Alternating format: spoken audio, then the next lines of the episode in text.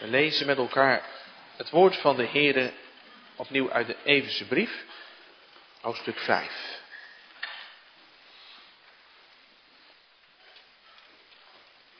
Efeze 5, 22 tot 33. Al heel wat keer hebben we uh, even benoemd, hè, wat is nou de hoofdbeweging van die brief. Uh, zitten, wandelen, stand houden. Het begint met de genade van God in de Heer Jezus Christus. Ik mag komen zitten aan de voeten van de Heer Jezus Christus en bedenken wie ik ben door het geloof in Hem. Maar leven uit Christus heeft wel consequenties en dat ontdekken we vanaf hoofdstuk 4. Hoofdstukken vol met oproepen, Telkens klinkt het appel om te wandelen met God en dat gaat echt over alle onderdelen van mijn leven. Ook over het huwelijk. Daarover schrijft Paulus in Efeze 5. Maar ook dan merk je telkens weer dat het evangelie hier centraal staat. Het is vol van het evangelie van de Heer Jezus Christus. Efeze 5, 22 tot 33, daar klinkt het woord van de Heere vrouwen. Wees uw eigen mannen onderdanig, zoals aan de Heer. Want de man is hoofd van de vrouw, zoals ook Christus hoofd van de gemeente is en hij is de behouder van het lichaam. Daarom, zoals de gemeente aan Christus onderdanig is, zo behoren ook de vrouwen in alles hun eigen mannen onderdanig te zijn. Mannen, heb uw eigen vrouw lief, zoals ook Christus de gemeente lief gehad heeft en zich voor haar heeft overgegeven opdat hij haar zou heiligen door haar te reinigen met het waterbad door het woord. Opdat hij haar in heerlijkheid voor zich zou plaatsen, een gemeente zonder smet of rimpel of iets dergelijks, maar dat ze heilig en smetteloos zou zijn. Zo moeten de mannen hun eigen vrouwen lief hebben als hun eigen lichamen. Wie zijn eigen vrouw lief heeft, heeft zichzelf lief. Want Niemand heeft ooit zijn eigen vlees gehaat, maar hij voedt en koestert het. Zoals ook de Heerde de gemeente. Want wij zijn leden van zijn lichaam, van zijn vlees en van zijn gebeente. Daarom zal een man zijn vader en moeder verlaten en ze gaan zijn vrouw hechten en die twee zullen tot één vlees zijn. Dit geheimenis is groot. Maar ik spreek met het oog op Christus en de gemeente. Kortom, ook u moet ieder in het bijzonder uw eigen vrouw net zo lief hebben als uzelf. En de vrouw moet ontzag hebben voor haar man.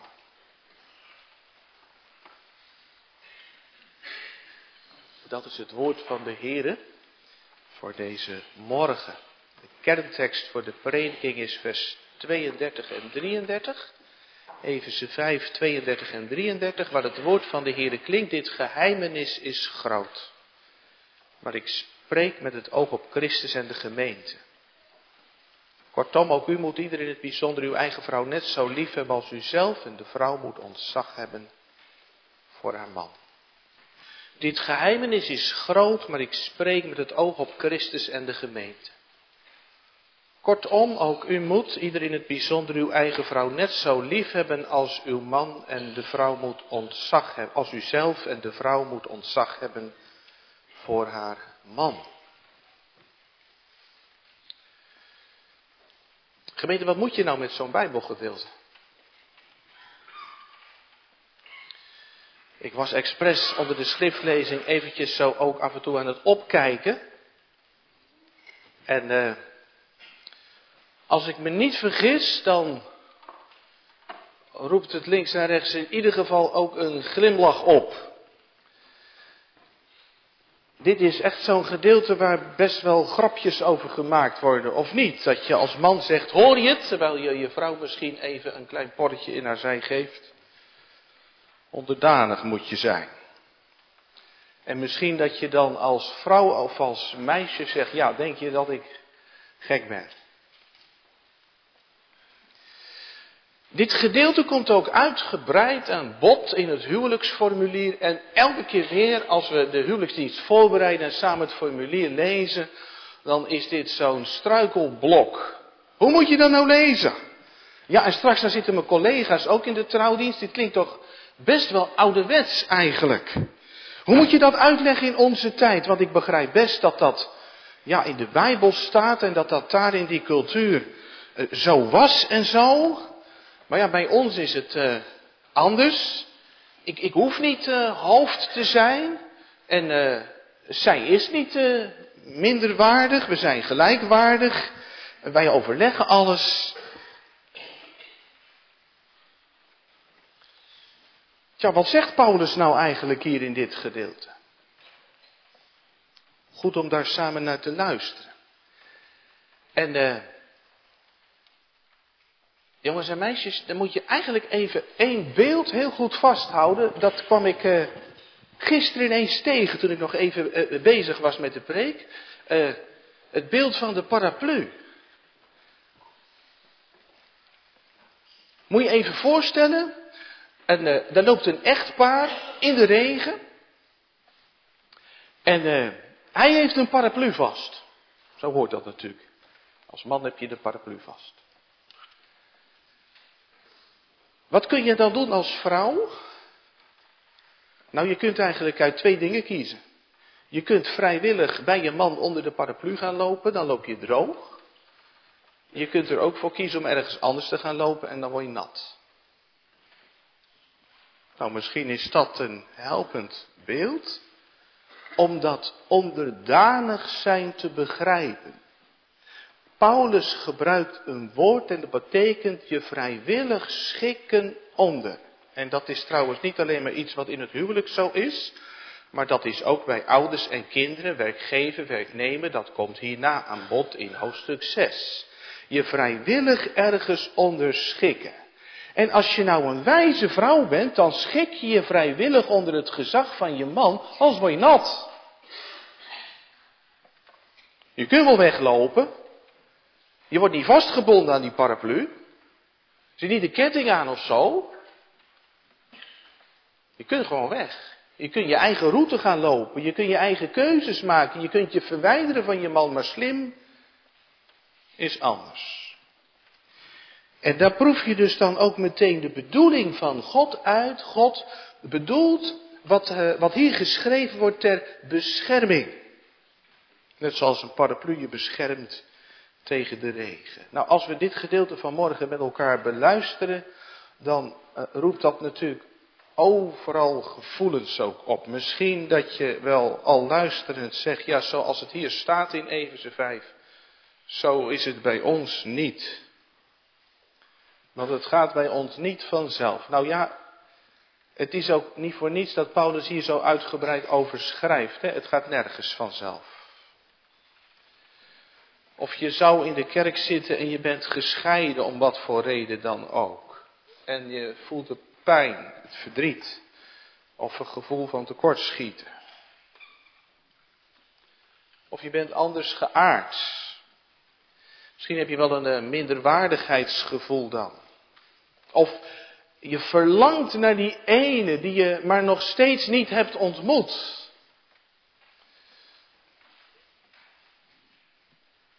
Dan wil ik vooraf tegen ieder van ons dit zeggen. Er is er één die ons bemint, zoals er geen liefde voor ons heeft. Onze Heer Jezus Christus. Van hem is Efeze 5 vol. Wilt u dat allermeest onthouden? Is er één die ons bemint, zoals er geen liefde voor ons heeft. Ja, en die liefde die mag ook merkbaar worden in de gemeente naar elkaar. Laten we elkaar zien. Liefhebben. gaan luisteren naar Efeze 5, omdat Hij ons eerst heeft liefgehad. Dat is het thema voor de preek. Het geheim van het christelijk huwelijk, dat is één.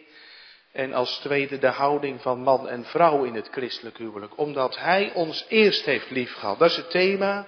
Het geheim van het christelijk huwelijk en de houding van man en vrouw in het christelijk huwelijk. Evense. Het is alweer eventjes geleden dat we de vorige preek uit deze brief van Paulus hadden. Hoe was het met de huwelijken gesteld in de samenleving van toen? In die uh, antieke wereld, die Grieks-Romeinse wereld van de stad Eversen. Ik vraag me af of er heel veel gelukkige huwelijken zijn geweest. Als je daar even wat in gaat verdiepen, hoe, hoe was het eigenlijk mee gesteld? Nou ja, eh, romantiek was sowieso niet zo belangrijk binnen het huwelijk. En eh, een vrouw was eh, ja, eigenlijk gewoon uh, minder waardig. De Romeinse filosoof Seneca, dat was een tijdgenoot van de Heer Jezus, die zei de man is geboren als heerser en de vrouw is geschapen om gehoorzaam te zijn. Alsjeblieft. Een soort gebruiksvoorwerp ben je dan als vrouw. Een vrouw had ook niet heel veel vrijheid.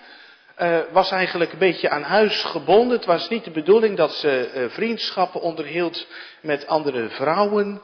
Uh, er was ook een, een vrije seksuele moraal, al waren er wel regels. Waag het niet om de vrouw van je vriend te verleiden. Maar een pleziertje met een jonge slavin, dat is geen probleem. Die Artemis-tempel die daar in Efeze stond, daar waren honderden tempelprostituees aan verbonden. En we hebben al eerder uh, gehoord over die uh, feesten, uh, waarbij alle remmen losgingen. Waarbij nou ja, zeg maar, Jan met alle man, alle vrouwen in bed ook. Het voornaamste doel van het huwelijk was uh, nageslacht verwekken. En in het denken van sommige mensen uit die tijd was een huwelijk pas een huwelijk als er een kind geboren was. Het huwelijk is ook een manier om het familiekapitaal uit te breiden. Als je verloofde, dan gaf de, gaf de familie van de bruid cadeautjes aan de man. En in welgestelde families konden dat, uh, nou ja, uh, Mooie cadeaus zijn, kleding, slaven, meubels, sieraden, stuk grond. En uh, nou ja, uh, als je een beetje harmonieus uh, samen je tijd kon doorbrengen als man en vrouw, dan waren de meeste mensen wel tevreden. Dat is de Grieks-Romeinse context van Efeze. In het Jodendom was het eigenlijk niet heel erg veel beter. Ja, de norm van het woord van God is wel een heel hoge norm, maar de praktijk was best wel anders. Er is een gebed uit de rabbijnse literatuur van een Joodse man die tegen de Heere God zegt, dank u wel dat u mij niet gemaakt hebt als heiden, slaaf of vrouw. En in het evangelie ontdekken we ook iets over de praktijk van de echtscheiding vanwege de hardheid van de harten heeft Mozes de echtscheidingsbrief ingesteld, een regeling om vrouwen te beschermen, omdat het anders helemaal een wild westen zou worden. In de dagen van de Heer Jezus is het niet veel beter. Uh, we kennen de discussie die de fariseeën voeren met eh, de Heer Jezus. Wanneer mag je scheiden? Want er was wat verschil van inzicht over. Er waren uh, rekkelijke joden, liberale joden. De school van Rabbi Hillel, die had een heel ruim standpunt. Als ze te veel zout in het eten gooit, of, of als ze te hard praat, of als ze lui is en ze doet niet genoeg werk, dan mag je de weg sturen. Er waren ook strengere joden, de school van Rabbi Shammai die zei nee, je mag alleen maar van je vrouw af als je iets schandelijks ontdekt op seksueel terrein. Als ze zich te bloot kleedt, als ze te amicaal met de buurman omgaat, als ze overspel pleegt, rekkelijk en precies. En als de Heer Jezus dan de norm stelt en zegt, heb je nou nooit de Bijbel gelezen, hoe het vanaf het begin is geweest? Wat God samengevoegd heeft, dat mag de mens niet scheiden. En als je je vrouw verlaat om een andere reden dan om hoererij, dan pleeg je overspel. En wat is dan de reactie van de discipelen? Dat is heel verrassend. Die zeggen dan tegen de Heer Jezus, maar als het er zo voor staat, als het zo eh, streng is, dan kun je toch beter helemaal niet gaan trouwen. Als je echt bijna niet meer van eraf kunt. Nou ja, dat geeft wat aan, toch? Maak een sprongetje in de tijd naar onze dagen. Hoe gaat het onder ons met het huwelijk? Nou ja, de vraag stellen is hem eh, beantwoorden. Ons denken over het huwelijk is enorm beïnvloed door Hollywood. In ons denken heeft getrouwd zijn te maken hebben met voelen voor elkaar. En uh, ja, in films gaat het uh, vanzelf in een huwelijk. En ja, als het gevoel weg is, dan trek je de stekker eruit. Het was een beetje de norm bij ons. Hè? Je zit aan elkaar vast zolang er liefde is. En in een zelfzuchtige cultuur waarin ons ik in het middelpunt staat, lopen ook hopeloos veel huwelijken uit op een echtscheiding. 40% van de huwelijken met alle ellende van dien om te janken. En als het gaat over het denken in onze samenleving, in onze samenleving over man en vrouw, ja, dan, dan leven we natuurlijk ook in een ongelooflijk verwarrende tijd. In, uh, nou ja, zeg maar ruim 100 jaar tijd is er heel veel veranderd. Je had uh, ruim 100 jaar geleden de emancipatiebeweging. Gelijke rechten voor mannen en vrouwen. In 1917 het passief kiesrecht voor vrouwen. In 1919 pas het actief kiesrecht. Jullie mogen nog niet zo heel lang stemmen. In de jaren 60 kreeg je de seksuele revolutie, baas in eigen buik. Huwelijk en seksualiteit werden losgekoppeld. Uit verzet tegen het instituut huwelijk. En die traditionele rolverdeling van man en vrouw. Je kreeg bommoeders, bewust ongehuwde moeders. Want het huwelijk is iets onderdrukkends. Nou ja, dat zegt ook iets over hoe we kijken naar het huwelijk. Toch, daarna kreeg je de fase waarin de emancipatie van de homo's op de voorgrond kwam. En nu het huwelijk voor homo's een feit is, is er een nieuwe fase in die uh, seksuele revolutie waarbij je uh, geslacht een keuze is. En je hebt tientallen soorten genderidentiteit. Nou, tegen die achtergrond lezen wij vanmorgen samen Efeze 5.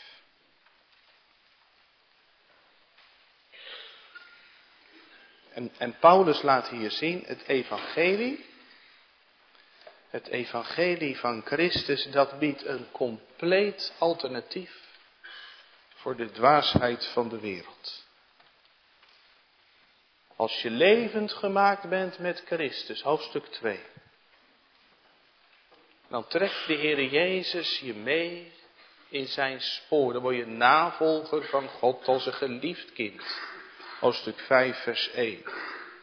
En dat leven van de navolging, dat gaat echt over alles. Dat gaat ook over je huwelijk. En dat gaat over de opvoeding, dat gaat over de werkvloer. Nou ja, we hebben al verschillende aspecten ook met elkaar tegen het licht gehouden en op ons af laten komen. Maar of je de Heere vreest, dat blijkt in je huwelijk. Als je wil weten of iemand een christen is en is getrouwd, kijk maar naar zijn huwelijk. Paulus zegt in vers 23 dat de man het hoofd is en dat de vrouw het lichaam is. Dat is een, een beeld wat je even op je in moet laten merken. merken. Dat, is, dat, dat prachtig, hè? hoofd en lichaam. Daar zit iets in van verbondenheid, want hoofd en lichaam die kunnen niet zonder elkaar. Kijk eens om je heen, jongens en meisjes. Zie je ergens een lichaam zonder hoofd? Nee. En zie je ergens een hoofd zonder lichaam? Nee. Dat kan niet.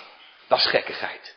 Hoofd en lichaam horen bij elkaar. Zo zijn man en vrouw een eenheid. In mijn vorige gemeente was er een meisje en dat bleef met de vinger aan eh, het schoolhek vastzitten en ze verloren vinger. Maar dat meisje kon gewoon verder leven. Ze heeft nu negen vingers. Maar zonder hoofd kun je niet verder leven. verbondenheid. Paulus gebruikt in vers 31 eh, woord, en uh, dat is heel mooi om te horen, daar zit het woord uh, lijm in. Uh, dat je als man en vrouw aan elkaar hecht.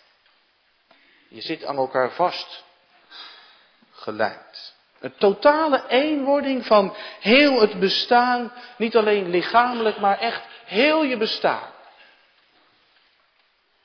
Je komt dat, eh, datzelfde woord in de Bijbel ook tegen in de geschiedenis uh, van uh, Rut. Orpa, die gaat terug naar Moab. Maar Rut kleeft haar schoonmoeder aan.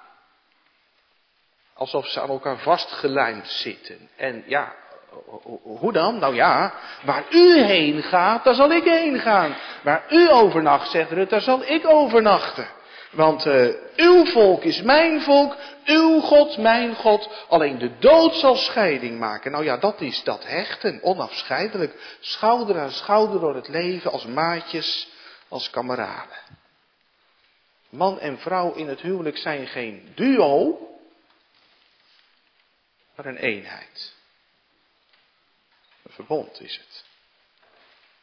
Maar hoofd en lichaam, in dat beeld zit ook eigenheid. Want een hoofd is een hoofd en een lichaam is een lichaam.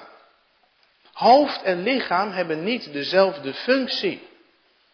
Zo hebben man en vrouw in het huwelijk niet dezelfde functie. Maar ze vullen elkaar aan. Ze zijn er voor elkaar, ze nemen het voor elkaar op. En als je getrouwd bent, dan uh, merk je dat ongetwijfeld ook.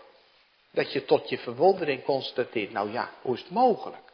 Dat de Heere God ons nou bij elkaar brengt. Want jij bent zus en ik ben zo. En wat ik mis, dat ontvang ik in jou.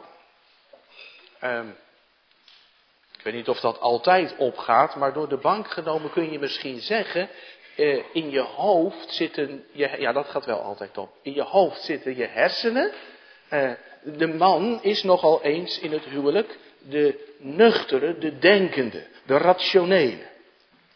Dat is ook iets waar God je mee versiert, omdat je geroepen wordt om de leider te zijn, om knopen door te hakken. In je lichaam zit je hart. Een vrouw is vaak de meer voelende. Mijn vrouw voelt de dingen veel beter aan dan ik. Dingen die mij ontgaan, die, die, die voelt zij wel. Um, meer gericht op relatie en mannen vaak meer op prestatie. Prachtig. Uh, is natuurlijk niet een waterdicht schot, hè, alsof vrouwen geen hersenen hebben en alsof mannen geen gevoel hebben. Daar gaat, daar het niet om. Maar iets van die aanvulling, elkaar aanvullen. Een hulp tegenover. En man en vrouw mogen in het huwelijk allebei een ander aspect van Christus en de gemeente reflecteren. De man is het hoofd van de vrouw, dat beeld. En ja, dat zeg ik dan even met nadruk. Dat heeft niets met onderdrukking te maken.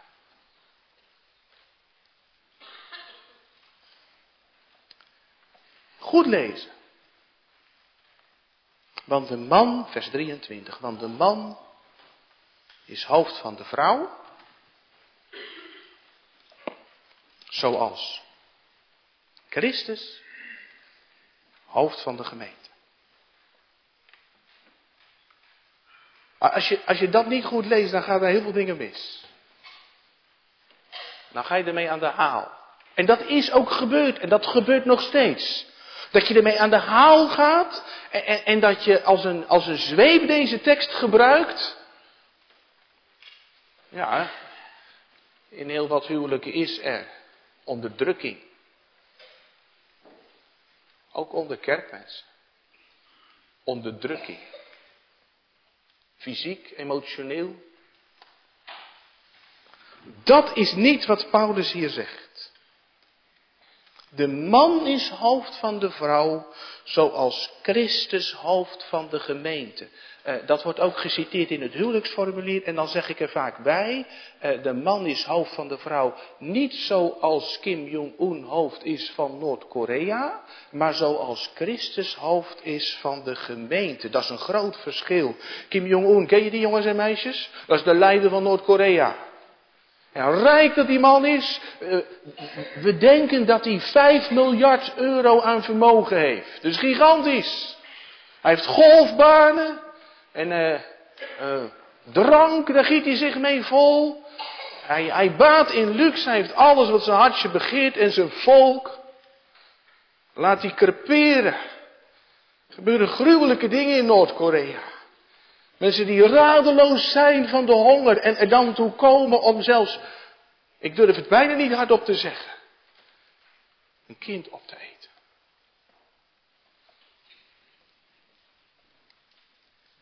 Kim Jong-un, het hoofd van Noord-Korea, die in luxe baat en zijn volk laat creperen. En Christus? Wat doet Christus voor zijn volk? Weet je toch? Christus in de hemel zegt tegen zijn bruid op aarde. Ik ga voor jou. tot in de dood. Hij komt op aarde en neemt de gestalte aan van een slaaf.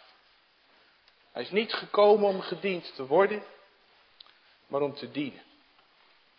Hij knielt neer aan de voeten van zijn leerlingen.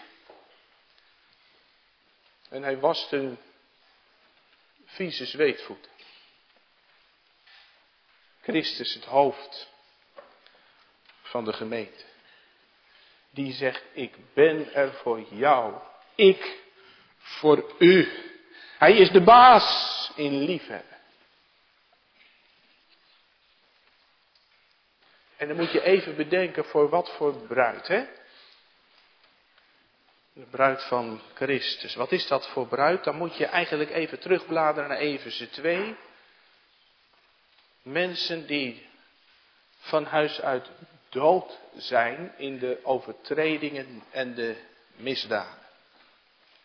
Kinderen van de ongehoorzaamheid, voortdurend maar weer die eigen wijsheid en de andere kant op. Mensen die de wil van het vlees en van de gedachten doen. Christus gaat voor een dode bruid. Een ongehoorzame bruid. Een eigenzinnige bruid. En hij geeft haar een schoonheidsbehandeling, vers 26 en 27. Christus reinigt haar door het waterbad, door het woord. Want door de prediking van het woord wordt de gemeente gereinigd, wordt de afwassing van zonde betuigd en verzegeld door het bloed van de Heer Jezus. Dan, dan kom je naar de kerk met al je eigen wijsheid en met al je dorheid en doodsheid. En, en dan klinkt het evangelie.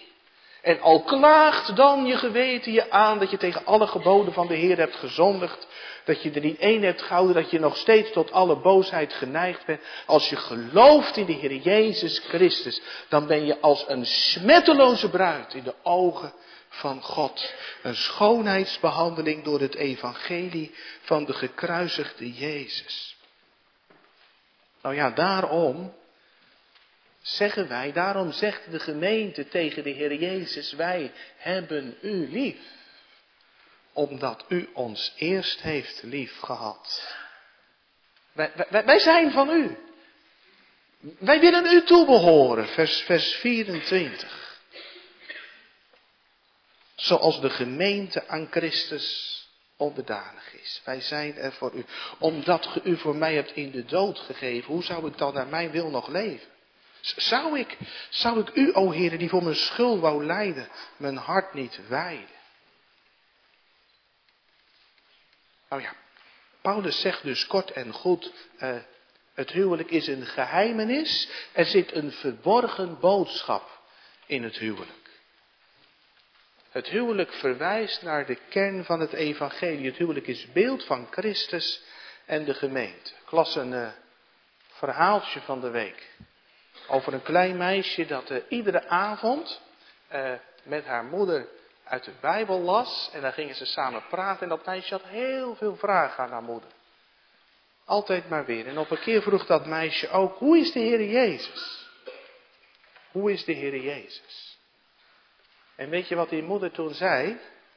Die zei tegen dat meisje, als je wil weten hoe de Heer Jezus is, let maar veel op papa.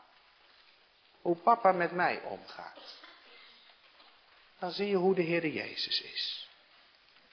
Zoals papa mij lief heeft, zo is de liefde van Jezus. Alleen dan nog veel groter en nog veel sterker.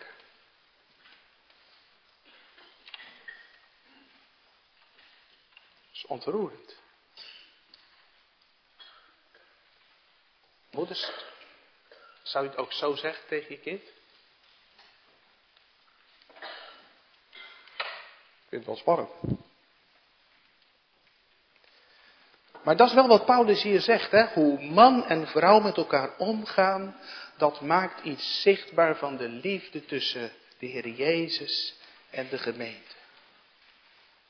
En juist daarom valt Satan het huwelijk aan. Satan haat God en daarom haat Satan het huwelijk. Hij doet er alles aan om te voorkomen dat man en vrouw de hun door God gegeven plek innemen. Die goede orde van God. Die bescherming, die paraplu. Weet je nog? Maar het huwelijk, vers 32b, is een levende kopie van het evangelie. Nou ja, wat betekent dat concreet? Wat betekent dat concrete houding van man en vrouw in het christelijk huwelijk? Nou, je zou het heel kort kunnen, kunnen samenvatten. Uh, Paulus zegt tegen uh, de getrouwde mannen, uh, je moet je eigen vrouw lief hebben. En tegen de getrouwde vrouwen zegt Paulus, je moet ontzag hebben voor je man. Liefde en respect. Dat is trouwens de titel van een boek over de Efeze 5. Liefde en respect. Dat je als man zegt tegen je vrouw, ik ben er voor jou. En dat je als vrouw zegt tegen je man, ik ben blij met jou. Dat is zeg maar de simpelste variant. Liefde en respect. Ik ben er voor jou. Ik ben blij met jou. Eerst even die man, want uh, Paulus heeft uh, zes versen nodig om uh, ons mannen aan te spreken en voor de vrouw maar drie. Dus de zwaarste verantwoordelijkheid ligt bij, bij ons. Hoe ziet dat eruit? Wat, wat, wat de Heere vraagt van mannen in het huwelijk. U krijgt niet een lijstje met actiepunten. Want het gaat om de mentaliteit, hè, de gezindheid van Christus. Je zou even moeten letten op de werkwoorden in dit schriftgedeelte. In vers 33 gebruikt Paulus dat werkwoord liefhebben. Zoals Christus de gemeente lief heeft. Dat is dienende liefde, niet zelfzuchtige liefde die naar zichzelf toedenkt, maar gevende, offerende liefde die zichzelf ervoor over heeft. Ik ben er voor jou. Dat je gewoon elke dag aan je vrouw vraagt, hoe kan ik er vandaag voor jou zijn? Waar kan ik jou vandaag mee helpen? En dat je keer op keer je vrouw ervan verzekert dat je van haar houdt. Mannen zeggen nog wel eens, maar dat weet ze toch? Ja, maar dat wil ze elke dag horen. Het liefst vaker dan één keer per dag. Ik hou van jou. Zoals Christus ons keer op keer komt verzekeren van zijn hartelijke liefde en trouw. Juist omdat wij daar zo aan twijfelen kunnen. Hè? Want ja, wat maak ik ervan in mijn leven? En Christus komt en zo een man voor zijn vrouw. Ik hou van jou. Ik ben er voor jou. Ik sterf voor jou als het moet. Ik ga voor jou door het vuur. Als het land aangevallen wordt, wie gaan er dan naar het front? Wij toch mannen, dan gaan we het land verdedigen, dan gaan we onze vrouwen en onze kinderen beschermen. Liefhebben, gevende, offerende liefde. En heiligen in vers 26, ook een werkwoord wat Paulus gebruikt voor de mannen. Wat is heiligen? Nou ja, dat is dat je je vrouw helpt om op God gericht te leven. Toegewijd aan de Here. Het is echt belangrijk, meiden, dat je zo'n man zoekt. Een man, niet met een dikke auto en een dikke portemonnee of zo, maar een man die je helpt om toegewijd aan God te leven, die je stimuleert om je leven aan God te wijden. Ja, dat kan wezen dan dat je geen woord krijgt voor de zakenvrouw van het jaar of zo, maar in Spreuken 31 staat een vrouw die de Heere vreest, die zal geprezen worden. Heiligen. En, en, en, en, en nog twee werkwoorden in vers 29 die Paulus gebruikt om uh, ons mannen aan te spreken. Voeden en koesteren. En dan zegt Paulus zoiets als, uh, zoals je voor je eigen lichaam zorgt, zo moet je nou zorgen voor je vrouw. Nou ja, uh, wie gaat er wel eens naar de sportschool? Wie doet er aan sport? Om fit te blijven? Jij? Nou ja, heel wat mannen ook. Uh, je, je, je zorgt op die manier voor je lichaam. En er gaat soms heel wat tijd in zitten, hè? Nou, zo ook, zegt Paulus, zoals je nou voor je lichaam zorgt, zo moet je nou ook zorgen voor je vrouw.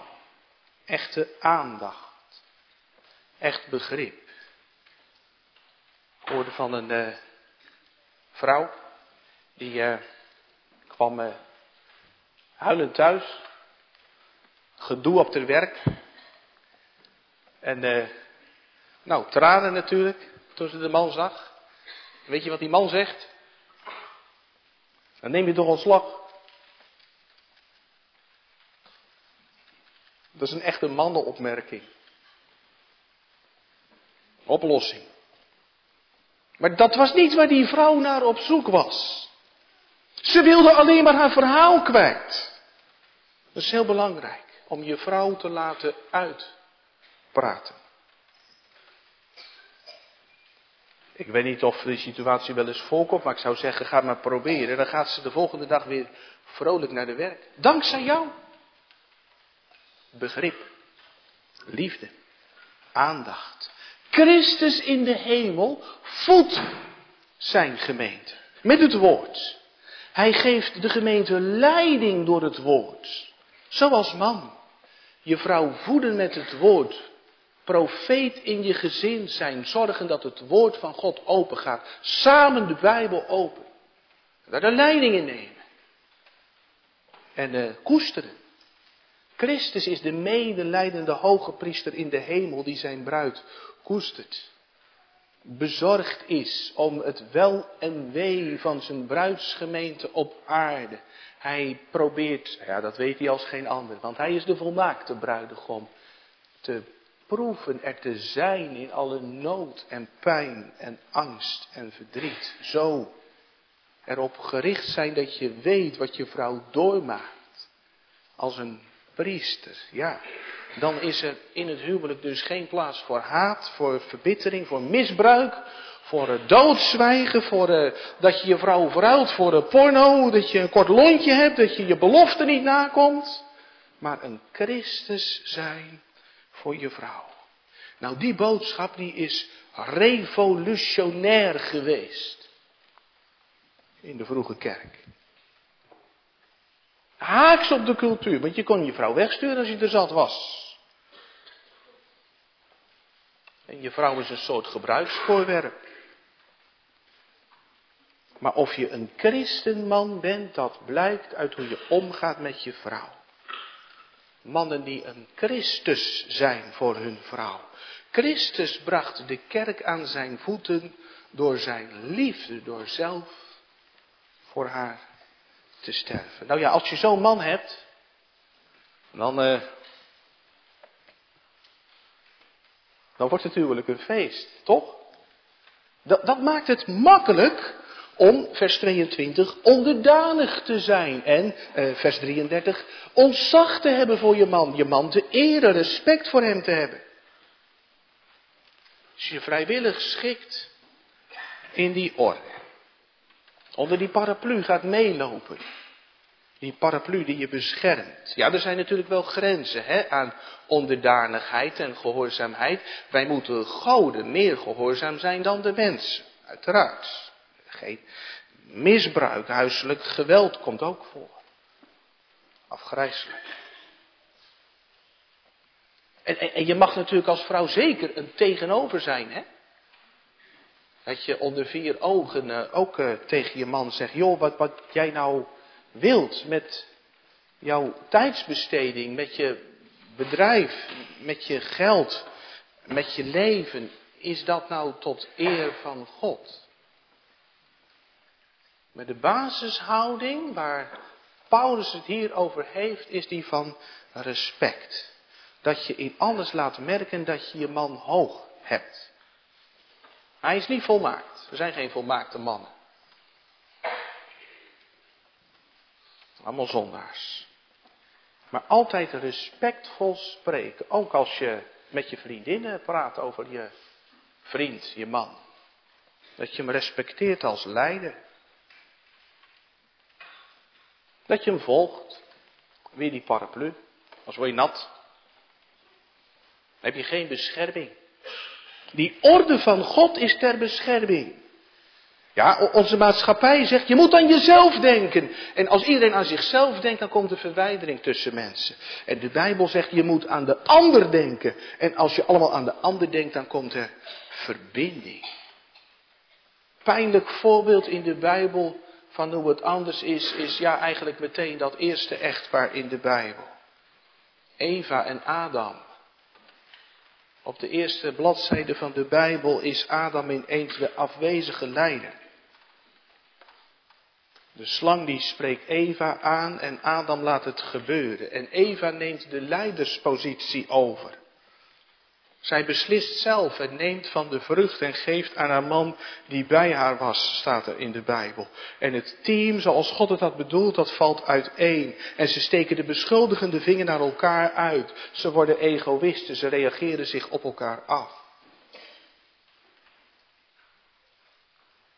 En God roept je om je vrijwillig te schikken. Onder de leiding van je man. Ja, dat is waar. In 99 van de 100 gevallen kom je in goed overleggen er prima samen uit. Ik heb u, denk ik, in het kader van de uh, preken over het zevende gebod een keer verteld over dat stel wat, uh, wat, wat een keer bij mij kwam. Ze hadden trouwdatum. En uh, ja, ze hadden een huis gekocht. En ja, de trouwdatum kwam steeds dichterbij, maar ze hadden één probleem. Ze zaten allebei in een ander kerkverband en ze wilden allebei niet veranderen van kerkverband. Wat moeten we doen?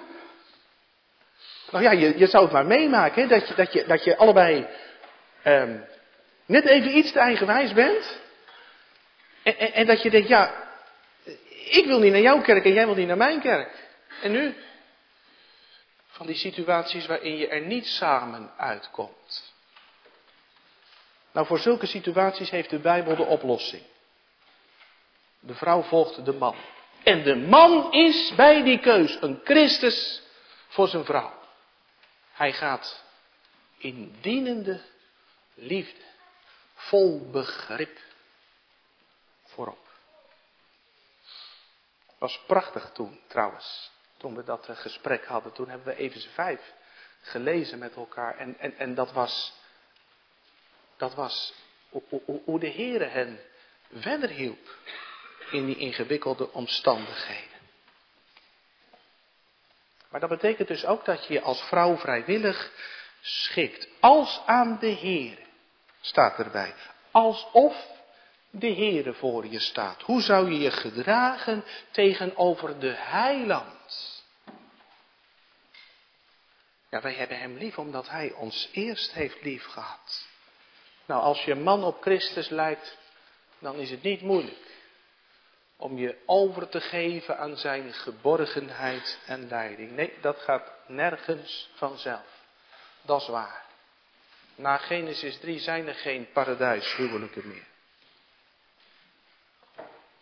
Kan ook uh, later in je huwelijk, hè, dat het heel mooi begint, maar dat het toch anders wordt. Isaac en Rebecca is daar zo'n voorbeeld van. Ontroerende dingen. Biddende mensen. En ze bidden ook samen of de Heer aan hen wil denken en hen uh, kinderen wil geven. Want uh, ja, het, het, gaat toch om de belofte van de Heer in hun leven. Dat de Messias eens geboren wordt. Maar later gaat het mis. Isaac neemt zijn verantwoordelijkheid niet. Hij negeert de openbaring van de Heer. De meerdere zal de mindere dienen. En Rebecca onderwerpt zich niet.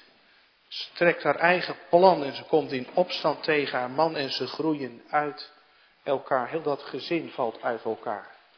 Want Jacob vertrekt naar Laban en Esau is woest.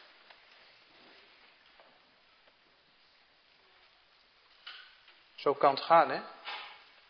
Als je een afwezige leider bent, een afwezige vader, altijd aan het werk, of als het woord van de Heer dicht blijft in je leven en in je huwelijk praat je niet samen over het woord en buig je niet samen onder het woord en je laat het lopen. Wat hebben we nodig? Mannen en vrouwen. Christus. zul je als man heel dicht bij de Heer Jezus leven. Heel dicht. Als je oog in oog met Jezus staat, gaat er een streep door je ego. Waarom zou je dat niet elke dag bidden? O zoon, maak mij uw beeld gelijk. Als je niet dicht bij de Heer Jezus leeft, dan heb je als het ware gaten in je paraplu. Word je zelf nat? En je vrouw ook. Je kunt daar niet beschermen. Leef heel dicht bij de Heer Jezus. Wat heb je nodig als vrouw in de maatschappij van nu om in je huwelijk op een bijbelse manier vrouw te kunnen zijn? Nou, hetzelfde. Leef heel dicht bij de Heer Jezus. Dan wordt de wederliefde in je hart geboren. Dan laat je niet gek maken de maatschappij die zegt, uh, de Bijbel wil dat jij uh, minder waardig bent of zo. Als vrouwen ergens een hoge plek krijgen, dan is het wel in het evangelie.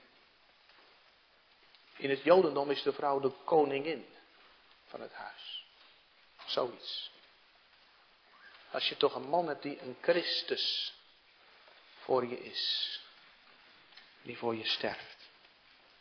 Die je beschermt. Het is waar, het evangelie is tegendraads. Wij zijn er allemaal op uit om gelukkig te worden.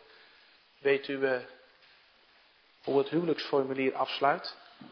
Onze lieve Heere God vervullen u met zijn zegen. Geef u dat u lang en gelukkig samen leven moogt? Nee. Dat u lang en heilig samen mag leven. Toegewijd aan de hemelse bruidegom. Die zo'n eigenwijze bruid heeft. En het heeft hem niet verhinderd om zijn leven af te leggen. Halleluja. Laten we op de knieën gaan. Zoals uh, op je eerste huwelijksdag. En elke dag weer. Heere, zegen ons. Zegen ons. Dat, dat uw zegen op ons daalt opdat wij leven voor u. Amen.